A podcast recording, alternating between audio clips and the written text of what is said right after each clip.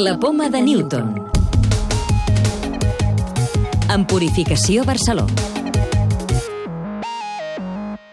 Poder aturar l'envelliment i les seves repercussions. Aquest és l'objectiu de moltes investigacions i avui us parlem dels resultats d'una d'aquestes recerques d'investigadors de la UPF que han identificat la proteïna que pot accelerar el procés d'envelliment celular en els músculs.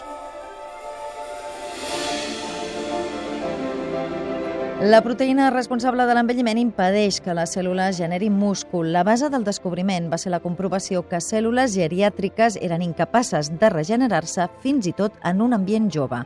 Pura Muñoz, directora de la investigació. Això ens ha fet concloure que algo ha canviat irreversiblement dins de la cèl·lula molt vella, la geriàtrica. I hem trobat una sèrie de factors que s'expressen únicament en aquesta cèl·lula més vella. I en concret hem identificat un, una proteïna que es diu P16, que impedeix que la cèl·lula es divideixi.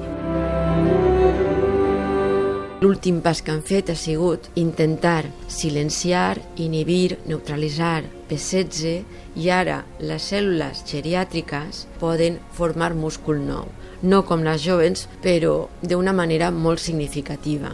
Ara bé, aturar aquesta proteïna també podria tenir efectes nocius. No vull que s'entengui com cap elixir de l'eterna joventut, perquè aquesta proteïna és molt important i inhibir-la també té les seves contrapartides, és un supressor tumoral, però per lo menys dona peu a que puguem intentar ara canviar el foco i, i mirar més la cèl·lula, no sols l'ambient, i intentar ralentir l'aparició d'aixòs trets si més no, la recerca podria servir en el futur per lluitar contra diferents patologies, com ara el càncer. En altres patologies del múscul esquelètic que cursen amb pèrdua de massa muscular, la caquèxia per càncer, neurodistròfies musculars, se's podria investigar, no està fet, sí, i això sí que a nosaltres ens interessaria mirar-ho, sí, P16 també pot ser una diana per millorar la capacitat regenerativa en aquests altres àmbits. Aquests investigadors creuen que es tracta d'una primera diana contra l'envelliment que també seria extrapolable a altres tipus de teixits diferents del muscular.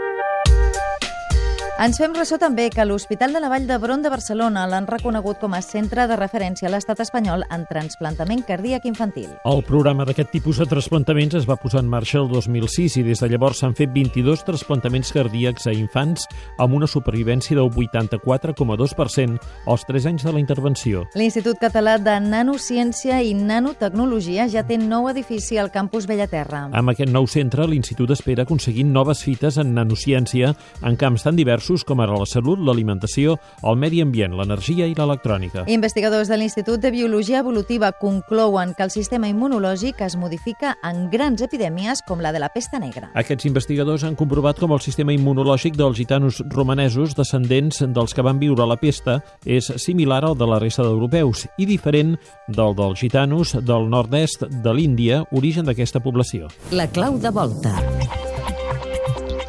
És cert que els primers microfilms secrets es van utilitzar ja el 1871 en la guerra franco-prussiana? Montse Capdevila, de l'àrea de Ciència i Medi Ambient de l'obra social La Caixa. René Prudent Dragón va utilitzar un tipus primari de microfilm per enviar missatges amb l'ajuda de coloms missatgers entre les ciutats franceses de París i Bordeus. En companyia del famós fotògraf francès Gaspard Félix Tournachon van concebre l'audaç pla d'elevar-se en globus aerostàtic travessant les línies enemigues per contactar amb les tropes franceses i microfilmar les instruccions i missatges que s'enviaven als alts comandaments militars que llavors estaven assetjats. Es fotografiaven missatges utilitzant una emulsió sobre vidre i quan l'emulsió s'assecava la desprenien del vidre i formaven amb ella petits rotlles que després lligaven a les potes dels coloms.